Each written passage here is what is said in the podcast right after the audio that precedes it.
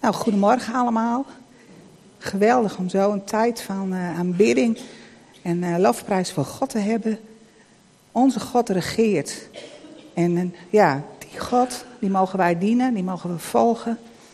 En niets wat wij zeggen of doen is buiten het bereik van zijn hand. Wij zijn in zijn bescherming, we zijn in zijn veiligheid en we mogen met hem gaan.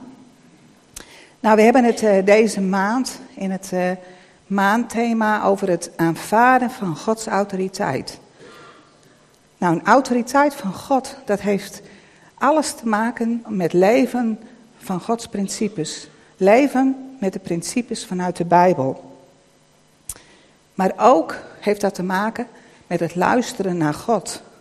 Om te horen wat God tot je zeggen wil. En ook doen wat God tegen je zegt. Gehoorzaam zijn. En gaan waar God je roept. En daarom heb ik als eh, thema voor vanochtend ook uitstappen in Gods plan. Want God heeft een plan voor ons allemaal. En wij mogen uitstappen en bewegen in het plan. En wij mogen daarin de autoriteit van God ontvangen. En we mogen opgroeien als kinderen van God. En het is net als, uh, ja, als je kijkt naar het uh, in het natuurlijke, als een kind wat opgroeit, is er iets mis met het geluid? Oh, oké.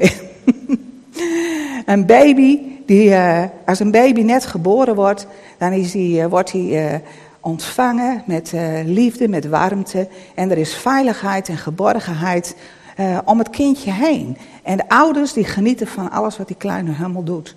En ze lachen erom en ze vinden het allemaal prachtig. En als hij zich gaat ontwikkelen, gaat hij dingen doen. gaat hij met dingen gooien. Hij gaat uh, boeken uit de kast trekken. En uh, nou, al die dingen die, uh, die, ja, die, die gebeuren gewoon. En als je een kindje bent, een baby, dan, dan mag dat.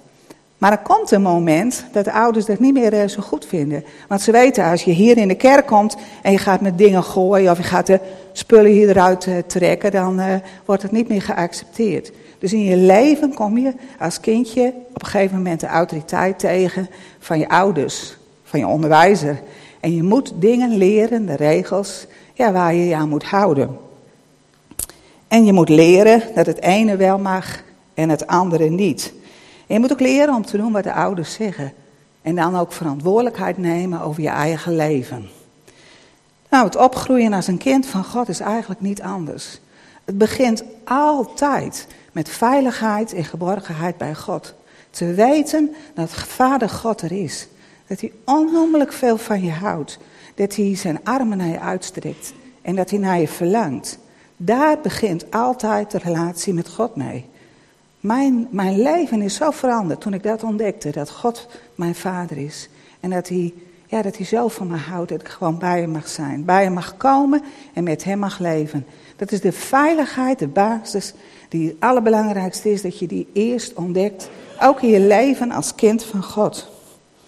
Dat je weet, God mijn vader, hij is er altijd. En hij laat me nooit alleen. Hij accepteert mij voor 100%. Wat ik ook doe en wat er ook in mijn leven gebeurt, God blijft onvoorwaardelijk trouw en liefdevol aan mij. En hoe komt dat? God ziet niet de fouten die wij doen, maar God ziet de Heer Jezus in jou. Hij heeft je door het offer van de Heer Jezus in Hem geplaatst. En als God naar je kijkt, dan ziet hij niet de dingen in je leven die niet goed zijn, maar hij ziet zijn zoon in jou. Dat is hoe de Heer Jezus, hoe God naar je kijkt. En hij geniet van wie hij in jou ziet. En hij geeft je genade om ook zo te worden. Om te veranderen door uh, de liefde van God in je leven ja, gewoon te ontvangen en daaruit te gaan leven. En dat gaat verandering in gang brengen. God kijkt niet naar wat allemaal geweest is, maar God kijkt vooruit. En hij wil je daarin meenemen. En je krijgt genoeg oefensituaties in het leven om te leren te worden zoals God je bedoeld heeft en hoe God je al ziet. God heeft geweldige dingen ook voor je voorbereid. En die mag je gaan innemen. God kent je. God kent je echt. Hij weet precies wie je bent. En hij weet ook precies wat bij jou past. En God wil je uit je comfortzone halen. Een kindje, die blijft niet altijd thuis, maar die gaat op een gegeven moment naar school. Nou, dat is vaak een grote overgang in het leven van kinderen. En als ouders denk je ook niet, nou laat mijn kindje maar thuis, want die heeft het hier zo naar de zin. En als ik hem naar school breng, dan moet hij huilen. Hij wil graag dat ik bij hem blijf. Ik hou hem maar thuis. Nee, dat doe je als ouders niet. Want je kijkt verder dan dat moment en je wilt graag dat dat in het kind ligt, dat dat ontwikkeld wordt, dat dat eruit gaat komen. Zo kijkt God ook naar ons. Hij denkt niet, nou, je bent uh, mijn kind geworden en alles is wel goed met jou. Blijf maar lekker zitten, gelukkig, fijn leven, alles prima. Nee, God wil je uit je comfortzone halen. God wil dat de dingen die Hij voor je voorbereid heeft, dat je daarin gaat bewegen. En dat je tot zegen bent voor de mensen om je heen. Dat je het licht van God door gaat geven. Voor mij is een hele ja, kerntekst in mijn leven is Efeze 2 vers 10. Want daar staat, want God, Hij heeft ons gemaakt tot wat wij nu zijn. In Christus Jezus geschapen om de weg te gaan van de goede daden die God heeft voorbereid. God heeft dingen voorbereid waarin ik mag wandelen. God heeft dingen voorbereid waar jij in mag wandelen. Ik zie dat altijd heel plastisch voor me. Als het ware een veld met heel hoog eh, gras erop. En God gaat met een saaiers er langs. En die haalt al dat gras weg en die zegt, kom maar. Kom maar en ga maar bewegen in de dingen die ik voor je heb. Ik ben met je, ik leid je, mijn genade is op je, ga maar gewoon bewegen. Uitstappen in Gods plan. Nou, we willen ook kijken naar een aantal mensen in de Bijbel die dat gedaan hebben. En dan wil ik allereerst uh, kijken naar uh, Noach. Ik lees een paar korte teksten en in Genesis 6, daar staat... De Heer zag dat alle mensen op aarde slecht waren. Alles wat ze uitdachten was steeds even slecht.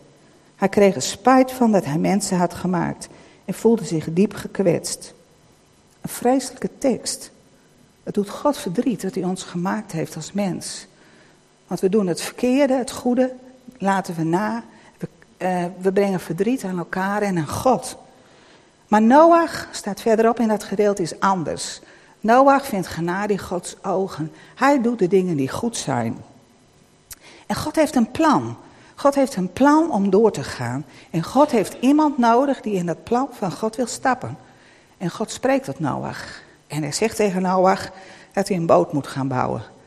Nog nooit een boot gezien, er is niet eens water. Maar God zegt tegen hem, ga een boot bouwen. En hij krijgt van God het hele plan, de hele bouwtekening. En hij gaat aan het werk met die boot. Nou, de mensen om hem heen die verklaren hem voor gek, die houden hem in de gaten. Wat er allemaal gebeurt, die bespotten hem. En die denken, nou, altijd al gedacht, zit een steekje los aan die Noach. Maar Noach gaat door. En het bijzondere is, in de dingen die, die hij doet, gebeurt er wat. Eerst bouwt hij die grote, grote uh, boot, die ark. En dan op een gegeven moment wordt het ook nog een hele dierentuin. Want alle dieren die komen aanlopen, twee aan twee. En die gaan keurig in die boot. En dan doet Noach, die luistert weer naar wat God tegen hem zegt. En die uh, sluit de deur. En nou, dan lees je het verhaal wat God allemaal doen, Noach heen gaat doen, dat de regen komt. Wist Noach wat er allemaal ging gebeuren toen God tegen hem sprak? Nee, dat wist hij niet. Maar hij hoorde Gods stem. Hij hoorde wat God tegen hem zei. En hij was bereid te luisteren, te doen wat God zei en gewoon maar te kijken wat er ging gebeuren. En God redde door Noach uh, een aantal mensen waar hij verder mee wilde gaan. Voorbeeld van iemand die deed wat God tegen hem zei. Een ander voorbeeld is uh, het leven van Abraham. En dan lees ik een stukje uit uh, Genesis 12. En daarin spreekt God opnieuw tot iemand op aarde. En dat is in dit geval Abraham. En de Heer zei tegen Abraham: Trek weg uit je land, verlaat je familie, verlaat ook je naaste verwanten en ga naar het land dat ik je zal wijzen. Ik zal je tot een groot volk maken. Ik zal je zegenen. Ik zal je aanzien geven. Een bron van zegen zul je zijn. Ik zal zegenen wie jou zegenen. Wie jou bespot zal ik vervloeken. Alle volken op aarde zullen wensen gezegend te worden als jij. Abraham ging uit Haran weg, zoals de Heer hem had opgedragen. Weer zo'n roep van God. God had een plan. God wilde een volk uh, uh, een plek geven, een volk naar zijn hart. Een volk wat het oogappel van God zou zijn. En hij had iemand nodig die daarin ging bewegen. En hij zag Abraham. En hij dacht, dat is de man die ik hebben wil. En God sprak tot hem. En God zei tegen hem, je moet alles achterlaten wat je hier hebt. Je familie, de plek waar je woont. En je moet gaan waar ik je roep. Wist Abraham wat hem te wachten stond? Nee. Had hij een makkelijke tijd daarna? Ook niet. Maar hij ging en hij deed wat God hem uh, verteld had. En God gaf een belofte op zijn leven dat er een groot volk uit Abraham zou voorkomen. En voor ons is het heel gemakkelijk om te kijken wat God door Abraham en het nageslacht gedaan heeft. Maar Abraham die kreeg niet eens een zoon, duurde tijden. Het leek erop of het niks meer zou worden. En toch, God deed wat hij beloofde. En die staat zo mooi. Abraham ging uit Haran weg, zoals de Heer hem had opgedragen. Abraham hoorde wat God zei. En nog belangrijker, Abraham deed ook wat God tegen hem zei. Hij ging het onbekende tegemoet. Nou, dan wil ik langer stilstaan bij het leven van Mozes. En ik begin met een gedeelte te lezen uit Exodus 3 vanaf vers 1. Dus Exodus 3 vanaf vers 1 wil ik een groter gedeelte van lezen. Mozes was gewoon de schapen en geiten van zijn schoonvader Jethro, de Midianitische priester, te weiden. Eens dreef hij de kudde tot voorbij het steppenland. En zo kwam hij bij de Horeb, de berg van God. En daar verscheen de engel van de Heer aan hem in een vuur dat uit een doornstruik opvlamde. Mozes zag dat de struik in brand stond en toch niet door het vuur werd verteerd. Hoe kan het dat die struik niet verbrandt, dacht hij. Ik ga dat wonderlijke verschijnsel eens van dichtbij bekijken. Maar toen de Heer zag dat Mozes dat ging doen, riep hij hem vanuit de struik. Mozes, Mozes. Ik luister, antwoordde Mozes. Kom niet dichterbij, waarschuwde de Heer, en trek je sandalen uit, want de grond waarop je staat is heilig. Ik ben de God van je vader, de God van Abraham, de God van Isaac en de God van Jacob. Mozes bedekte zijn gezicht, want hij durfde niet naar God te kijken. Een hele bijzondere ontmoeting vindt er plaats. Mozes is gewoon aan het werk, zijn schapen bij zich, is er in de woestijn, zorgt daarvoor. En opeens wordt zijn aandacht getrokken. Een wonderlijke manier hoe God je aandacht soms kan trekken. Een struik die in brand staat. Nou, dat schijnt in de woestijn wel vaker te gebeuren door de hitte. Maar het bijzondere was dat die struik niet verteerde. Hij bleef in brand en bleef maar doorbranden. Dus Mozes dacht, daar moet ik meer van weten. En hij ging daarheen en op dat moment was God daar. En hij sprak tot Mozes. En Mozes hoorde het en hij werd geraakt door God in zijn heiligheid. Zijn schoenen uitdoen of zijn sandalen. En hij durfde niet eens te kijken, want hij had een ontmoeting met de levende God. En dan gaat God zijn plan ontvouwen. In vers 7 gaan we verder. De Heer zei: Ik heb gezien hoe ellendig mijn volk er in Egypte aan toe is. Ik heb hun jammerklachten over hun onderdrukkers gehoord. Ik weet hoe ze lijden. Daarom ben ik afgedaald om hen uit de macht van de Egyptenaren te bevrijden. En om hen uit Egypte naar een mooi en uitgestrekt land te brengen. Een land dat overvloeit van melk en honing. Het gebied van de Canaanieten, Hethieten, Amorieten, Perizieten, Giwieten en Jebusieten. De jammerklacht van de Israëlieten is tot mij doorgedrongen. En ik heb gezien hoe wreed de Egyptenaren hen onderdrukken. Daarom stuur ik jou nu naar de farao. Jij moet mijn volk, de Israëlieten, uit Egypte wegleiden. God vertelt dat hij het jammeren van het volk gehoord heeft. God heeft de pijn en de ellende gehoord van het volk, wat daar in slavernij gehouden wordt en knoerd hard moet werken voor de Egyptenaren. En God heeft tegen Abraham gezegd dat het zijn volk is en dat God daar een plan mee heeft. En God roept iemand die dat uh, volk uh, gaat leiden vanuit Egypte. God heeft daar iemand in nodig en hij wil Mozes roepen. En dan zie je wat Mozes zegt. Mozes zei, maar wie ben ik dat ik naar de farao zou gaan en de Israëlieten uit Egypte zou leiden? God antwoordde, ik zal bij je zijn. En dit zal voor jou het teken zijn dat ik je gestuurd heb. Als je het volk uit Egypte hebt weggeleid, zullen jullie God bij deze berg vereren. Iets wat later ook echt gebeurd is. Ja, maar Mozes zei, stel dat ik naar de Israëlieten ga. He, stel voor dat ik het inderdaad ga doen. En tegen hen zegt dat de God van hun voorouders mij gestuurd heeft. En ze vragen, wat is de naam van die God? Wat moet ik dan zeggen? En toen antwoordde God hem, ik ben die er zijn zal. Zeg daarom tegen de Israëlieten, ik zal er zijn, heeft mij naar u toegestuurd. God antwoordt op de vragen van Mozes. Ik vind het heel mooi in de Bijbel, in de gewone taal die net uitgekomen is, daar staat... Toen zei God, ik ben degene die er altijd is. Je moet tegen de Israëlieten zeggen dat ik ben er altijd, die heeft je gestuurd. Dat zal mijn naam zijn, Gods naam. Ik zal er altijd zijn. Ik ben er. En die God, die uh, heeft jou gestuurd om naar het volk toe te gaan. Nou, en dan in het uh, volgende gedeelte, dat ga ik niet helemaal lezen. Vanaf vers 15, dan legt God zijn plan uit. En dat hij het volk wil redden. En dat Mozes naar de oudste moet gaan van het volk. En samen met de oudste naar Farao toe moet gaan.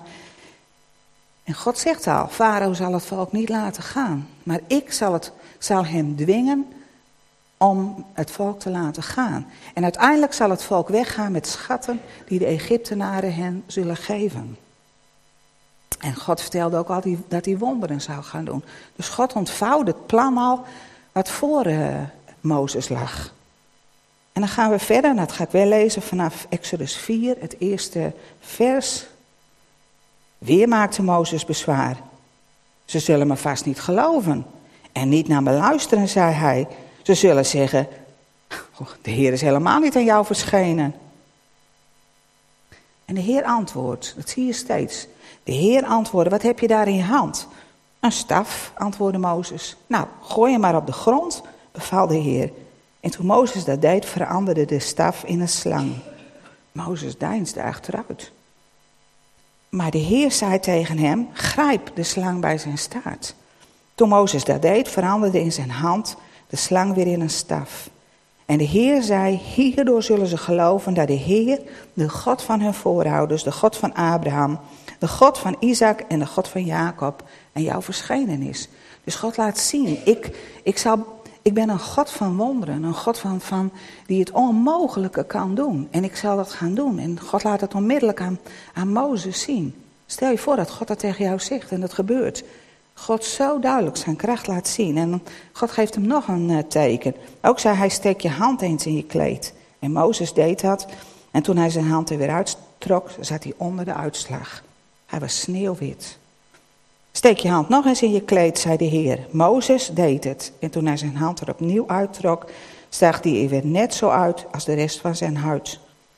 Als ze je niet geloven en zich niet door het eerste wonderteken laten overtuigen, zei de Heer, dan zullen ze zich wel laten overtuigen door het tweede. Hij kon het dus opnieuw gaan doen als hij bij het volk was. Maar zijn ze door geen van deze beide wonderen te overtuigen en ze blijven weigeren naar je te luisteren, dan moet je water uit de Nijl scheppen. Water was heel belangrijk, dat water uit de Nijl was heel, heel speciaal. En dat over het land uitgieten. En dat water op, op het droge zal het veranderen in bloed. Maar Mozes antwoordde: Neemt u me niet kwalijk, heer, maar uh, ik ben geen goed spreker. Dat is altijd al zo geweest en daar is geen verandering in gekomen. Nu u tegen mij, uw dienaar, gesproken hebt. Ik kan nooit de juiste woorden vinden. En de Heer zei tegen Mozes: Wie heeft de mens een mond gegeven? Wie maakt iemand stom of doof, ziende of blind? Wie anders dan ik, de Heer? Ga nu. Ik zal bij je zijn als je moet spreken en je de woorden in de mond leggen. Opnieuw uh, laat Mozes ja, uh, zijn hart zien van gewoon nou, neemt het toch gewoon, ik kan niet goed spreken en ik ben echt niet de geschikte persoon. En God zegt, ik heb jou gemaakt, ik weet, jij bent goed, ik, Ik wil jou voor deze taak gebruiken. En dan vers 13, maar Mozes hield vol. Neemt u mij niet kwalijk, heer, maar uh, stuur toch iemand anders. Wie u maar wilt. Maakt hem niet uit, als hij het maar niet was. En nu werd de heer kwaad op Mozes. Je hebt toch een broer, de leviet Aaron, zei hij. Ik weet dat hij wel bespraakt is. Hij is al naar je onderweg en zal blij zijn je te zien. Vertel jij hem wat hij moet zeggen. Ik zal bij jullie zijn als je moet spreken en jullie ingeven wat je moet doen. Hij zal in jouw plaats het volk toespreken. Hij zal jouw mond zijn. Jij zult mijn, zijn God zijn. En neem je staf in de hand, want daarmee moet je de wonderen doen. Zien we zo dat gesprek van, van Mozes en God, nadat God hem geroepen heeft om naar het uh, volk in Egypte te gaan en om naar de farao te gaan. En al die jamaars van, van Mozes. Ja, wie ben ik dat ik naar de farao zal gaan? Ik, ze zullen me niet geloven. Ze, zullen me niet, niet naar me luisteren. Ik ben geen goede spreker. Ik kan niet goed uit mijn woorden komen. Ik kan de juiste woorden ook niet vinden. Nou, stuur toch iemand anders. En hoe herkenbaar is dat voor ons? Je wordt voor iets gevraagd en je reageert vanuit jezelf. En waarom ik? Er zijn toch wel betere kandidaten? Nou, nee, ik, ik ben niet echt geschikt voor. En ik heb al genoeg. Ik heb al genoeg dingen die ik doe. Ik heb geen tijd voor. Als ik in mijn eigen leven kijk, is, is dit gedeelte voor mij zo herkenbaar. Ik heb mijn leven aan God gegeven en God heeft me geroepen ook om voor hem, volledig voor hem te gaan. En ik vergeet nooit meer het moment dat ik in een, uh, een uh, Pinksterfeest bij opwekking was en dat er een oproep gedaan werd van de velden zijn wit om, om te oogsten. Wie, wie wil gaan als mijn arbeider?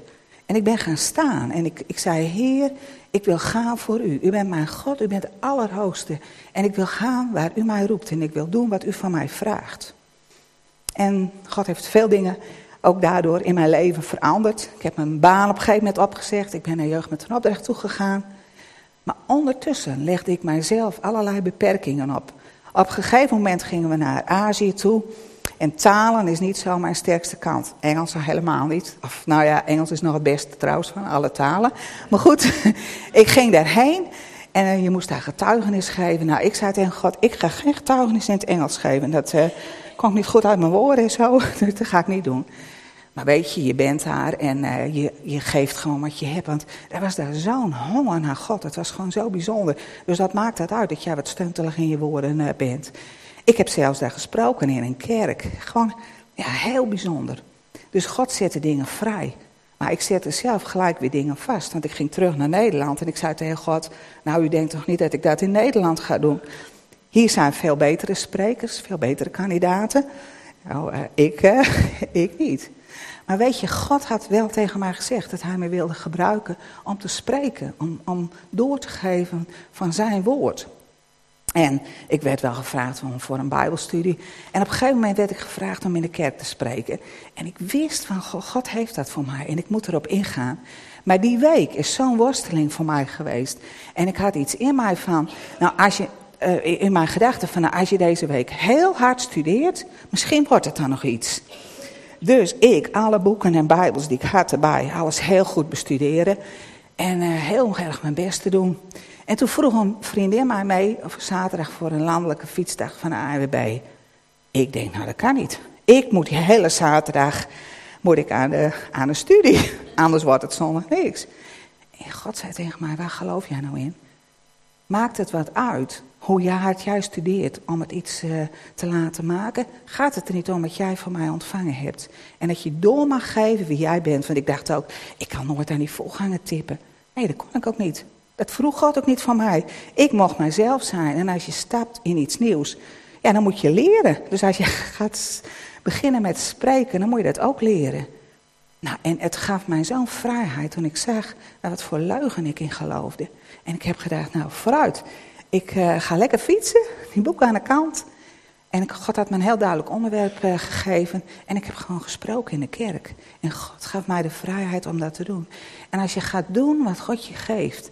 En je gaat daarin bewegen. Dan gaat God je meer meer geven. En ik, God daagt mij steeds weer uit om een stap verder te gaan. Om, om je tentpinnen wijder te maken.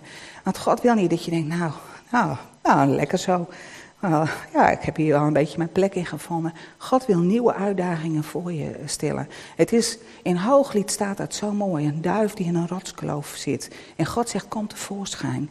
Ik heb dingen aan jou gegeven. En die mag je gaan gebruiken. Die mag je gaan ontwikkelen. En je mag het avontuur met God aangaan. Toen ik nog kort christen was, toen dacht ik van nou, als je je leven aan God geeft, dan wordt het leven heel saai. Moet je precies doen wat er allemaal, wat je moet doen.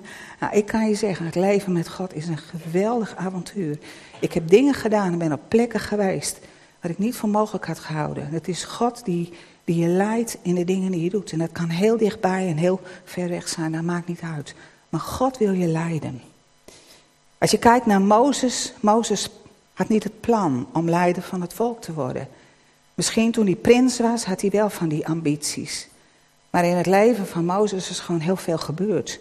En hij, eh, nee nou, kijk nou eens naar hem, hij had iemand gedood. Was dat nou een geschikte kandidaat om een volk te gaan leiden? Zouden wij hem uitgekozen hebben? God kijkt zo anders. En God, als je later in, in de Bijbel leest, dan was er niemand zo zachtmoedig als God en, uh, als Mozes. En als je ziet wat voor relatie Mozes met God heeft, is zo bijzonder. God geeft je nieuwe mogelijkheden in je leven. Maar Mozes is wel tevreden. Die heeft, is ondertussen getrouwd, heeft al uh, kinderen en zorgt voor de schapen van zijn schoonvader. En hij heeft het uh, wel lekker naar zijn zin daar in die. En zo leeft hij al jaren.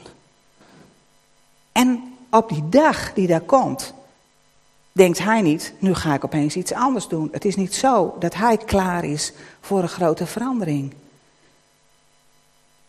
Het past niet in Mozes' plan, maar het past wel in Gods plan. Mozes is er niet klaar voor om iets aan te pakken, dat merk je uit zijn hele reactie, maar God is er wel klaar voor. En God weet, ik heb jou op het oog, Mozes om in mijn plan te gaan bewegen. En ik wil jou gebruiken om uit te reiken naar mijn volk. Het gaat er niet om of wij klaar zijn voor iets, maar of God klaar is en wij in God mogen zijn om die uitdaging aan te gaan. Nou, dit stuk heeft God heel erg tot mij gesproken het uh, eind van het uh, vorig jaar. Ik werd gevraagd uh, om opnieuw in het bestuur van een gemeente te komen.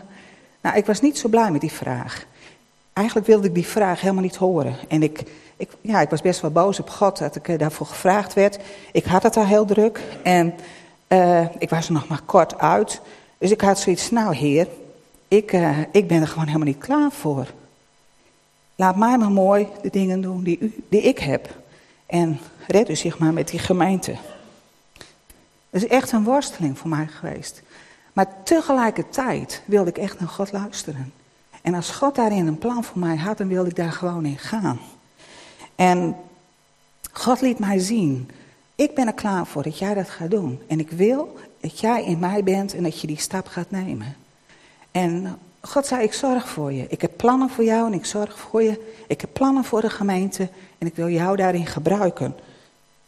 En voor mij was het belangrijkste om naar God te luisteren. En te gehoorzaam wat God tot mij zei. En die weg ook met vreugde te gaan. Voor dit jaar is mijn thema enjoy. Genieten, enjoy. Maar ook daar zit ook in joy en vreugde. Eh, ik ben best wel een harde werker en God wil mij leren om vreugde te, in vreugde te leven, vreugde te ontvangen, in vreugde te gaan, de vreugde van Hem. En nou, in deze periode heeft God mij zoveel geleerd. God heeft mij geleerd ja, wie hij is, ook in situatie die moeilijk is. En God heeft mij geleerd om op hem te vertrouwen. En ik heb God op een geweldige manier zien werken in mijn leven. God is er elk moment geweest. En ik heb nieuwe dingen geleerd. Ik kan echt zeggen dat mijn leven totaal veranderd is. En hoe komt dat? Omdat ik leef vanuit wat God tegen mij zegt. Ook vanuit identiteit. Dat ik weet dat ik in God volledig geaccepteerd ben. Dat ik mag zijn wie ik ben. En doe ik dingen, uh, gedraag ik me goed? Nee. Maak ik fouten? Ja. Maar weet je, God kijkt zo anders naar me. En ik weet gewoon dat ik, uh, de Heilige Geest, die is in me. Dus ook in, in, precies zo in jullie. En alles wat God voor handen heeft, geeft Hij aan ons. En dan mogen we in bewegen. En we mogen, als God je in moeilijke situaties plaatst, dan geeft God je meer kracht. Dan geeft God je meer genade. In elke uitdaging die op je leven komt, is de voorziening van God daar. Om je te geven wat je nodig hebt. Ik heb volop leermomenten om in de genade van God te leven. Maar God is er ook met zijn gunst. En God is er met zijn liefde. En het is zo geweldig om te zien dat het niet afhankelijk is van omstandigheden. Niet van de dingen die je doet. Maar ja, dat je gewoon mag ontvangen van God. En dat je mag bewegen in de dingen die God heeft voor jou. En dat is waar het om gaat. Ga en beweeg. Als God tegen je spreekt, ga en beweeg. Doe wat Hij tegen je zegt. En als God je ergens wil hebben, ga die weg dan. Wat anderen daar ook over zeggen, wat anderen daar ook over denken. Het allerbelangrijkste is om te gaan waar God je roept. En je krijgt niet de garantie dat je pad gemakkelijk zal zijn. Absoluut niet. Maar God belooft wel dat Hij er is. Dat Hij er zal zijn. Dat Hij de dingen in zijn hand heeft. We hebben dat net gezongen. En de Heilige Geest is de geweldige eh, eh, bemoediger, maar ook degene die, die je raad geeft, die je leidt in de weg die je gaat. Het lied is zo mooi, wat, we, wat een oude lied. Omdat God leeft, ben ik niet bang voor morgen. Omdat Hij leeft, mijn angst is weg. Ik heb angst gekend in mijn leven, maar God, doordat God er is, heeft Hij het weggehaald. Omdat ik weet dat God de toekomst heeft. En het leven is het leven waard, omdat Hij leeft. Nou, we gaan even terug naar Mozes. Mozes moest naar de farao toe gaan. Dat was de meest intimiderende uh, machthebber op aarde op dat moment. En hij moest naar een hele intimiderende plek toe gaan. En dat was geen kleinigheid. Als je daar bij de farao kwam, dan stond hij veel hoger. En jij stond als, die, als degene die er kwam een heel eind van hem af. Je kon niet zo met de farao spreken. Dat ging via een boodschapper. En dan kwam het woord bij de farao terecht. Je moet je voorstellen, ik moest eraan denken, stel dat je iets uh, wil doorgeven aan president Obama. Een van de machtigste mensen op aarde op dit moment, macht hebben ze in ieder geval. Welke stappen je moet nemen om bij hem te kunnen komen. En zo moest uh, Mozes dat ook doen. En dan geeft God hem een geweldige belofte. Dat staat in Exodus 7, vers 1. Maar de Heer zei, ik zal ervoor zorgen dat jij als een God voor de farao staat. Dat is de belofte die God aan, aan, Mozes gaf. Ik zal zorgen dat jij als een God voor de farao staat. En uh, God gaf Mozes een grotere autoriteit dan farao gaf. Hij gaf hem de autoriteit van hemzelf. En Mozes mocht gaan staan in die kracht en die autoriteit. En in dat occulte Egypte mocht hij de waarheid van God proclameren. En God geeft ons ook zijn autoriteit als wij gaan en bewegen in de dingen die God voor ons heeft. En als je dat gaat ontdekken, dan, dan mag je in die autoriteit gaan staan in de dingen die God heeft. Maar ook de vijand, die zal ontdekken, als jij in je kracht en autoriteit van God gaat staan, dan heeft dan heeft de vijand gewoon geen invloed op je. Dan ben je niet meer interessant voor hem. Want jij weet dat er een kracht en een autoriteit is die veel sterker is. Nou, ik wil nog, nog één ander voorbeeld noemen over autoriteit. Een heel mooi voorbeeld in de Bijbel en dit is van Esther. Koningin Esther, een geweldig voorbeeld. Ze komt in het paleis van de koning terecht, ze wordt koningin en dan wordt haar volk met de dood bedreigd. En Mordechai die roept haar op om naar de koning te gaan, om voor het volk op te komen. En dan wil ik lezen uit Esther 4, vers 11. Uh, en uh, Mordechai, he, die heeft haar opgeroepen om naar de koning te gaan. En dan antwoordt Esther dit. Alle dienaren van de koning en de inwoners van alle provincies van het koninkrijk weten dat er maar één wet geldt. Voor iedere man of vrouw die zonder ontboden te zijn naar de koning gaat en in de binnenhof komt. Die persoon wordt ter dood gebracht. Alleen degene wie de koning zijn gouden scepter, toesteekt, brengt het er leven af. Wat mijzelf betreft, ik ben al in geen dertig dagen bij de koning ontboden. Dus een geweldige uitdaging wordt daarvoor uh, Esther geplaatst. En het, de scepter, dat is echt het teken van de autoriteit ook, wat je terugvindt hier. En dan antwoordt Mordechai haar in vers 13. Beeld je maar niet in dat jij, omdat je in het koninklijk paleis woont, als enige van alle Joden zult ontkomen. Als jij nu je mond niet open doet, nu het moment daar is, komt er van een andere kant weer uitkomst en redding voor de Joden. Maar jij en je vaders familie komen dan om.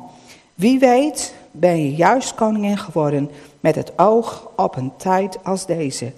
Dus morgen die, die, die, die daagt haar uit van misschien is dit de reden dat jij koningin bent geworden. De plaats die jij hebt en de mogelijkheden die jij hebt. En dan zegt Esther, ik ga ervoor. Ze roept hem vast en uit en ze zegt, kom ik om, dan kom ik om. Maar ze doet de opdracht die aan haar gesteld is. En dan zo mooi in Esther 5, toen de derde dag aangebroken was, hulde Esther zich in een koninklijk, koninklijk gewaad en ging naar de binnenhof van het koninklijk paleis. En daar bleef ze staan, tegenover de troonzaal. En in de zaal zat de koning op zijn koninklijke troon, tegenover de ingang. Je stelt je dat voor, daar komt ze, daar staat ze. En daar zit de koning in al zijn pracht en praal. En zodra die koning, koningin Esther, ziet, voelde hij zoveel genegenheid voor haar, dat hij haar de gouden scepter toestak die hij in zijn hand hield. En Esther ging naar voren en raakte het uiteinde van de scepter aan. Toen vroeg de koning haar, wat is er koningin Esther? Wat is uw wens? Al was het de helft van mijn rijk, het zal u gegeven worden. Zij kreeg de autoriteit. Zij mocht spreken en zij mocht opkomen voor haar volk. Nou, het verhaal kennen we wel wat erna gebeurt. Ze, maar zij nam het risico. Zij ging ervoor. Wat het ook teweeg zou brengen. En God wil ook zijn autoriteit aan ons geven. Gods geweldige kracht is in jou. En je mag gaan staan en bewegen in die kracht van God. De Heilige Geest is in je en geeft alles wat je nodig hebt. En het belangrijkste is om, om, om te zeggen, nou Heer, ik ga ervoor. Ik geef mijzelf aan u. Ik weet dat ik in u geplaatst ben, in de Heer Jezus. Ik weet dat de Heilige Geest in mij, in mij leeft. Ik kijk niet om naar al mijn angsten, onzekerheid, eh, negativiteit. Ik ga. Ik ga voor de dingen waar u voor mij roept. En het bijzondere is, wij hebben de Heilige Geest in ons. En God kan rechtstreeks tot ons spreken door de Heilige Geest. Dat kan door woorden, dat kan door de Bijbel, dat kan door andere mensen. Maar God kan zijn plan, of God maakt zijn plan jou bekend. En dat doet hij natuurlijk. We bewegen daarin. En God daagt ons uit om daarin door te gaan. Om daarin verder te gaan. Bij God mag je fouten maken, maar je mag samenwerken met de Heilige Geest. De Heilige Geest is je helper en hij leidt je. En God heeft een briljant, een geweldig leven voor je, waarin je mag bewegen met Hem. We hebben een heel mooi lied gezongen, dat wil ik ter afsluiting nog een keer lezen. Verberg mij nu onder uw vleugels, Heer. Houd mij vast in uw sterke hand. En als de oceaan haar krachten toont, dan zweef ik met u hoog boven de storm. Vader, u bent sterker dan de vloed. En dan word ik stil, want u bent mijn God. Vind rust, mijn ziel, in God alleen. Ken zijn kracht. Vertrouw hem en wees stil. En dan word ik stil. U bent mijn God. Zullen we samen gaan bidden?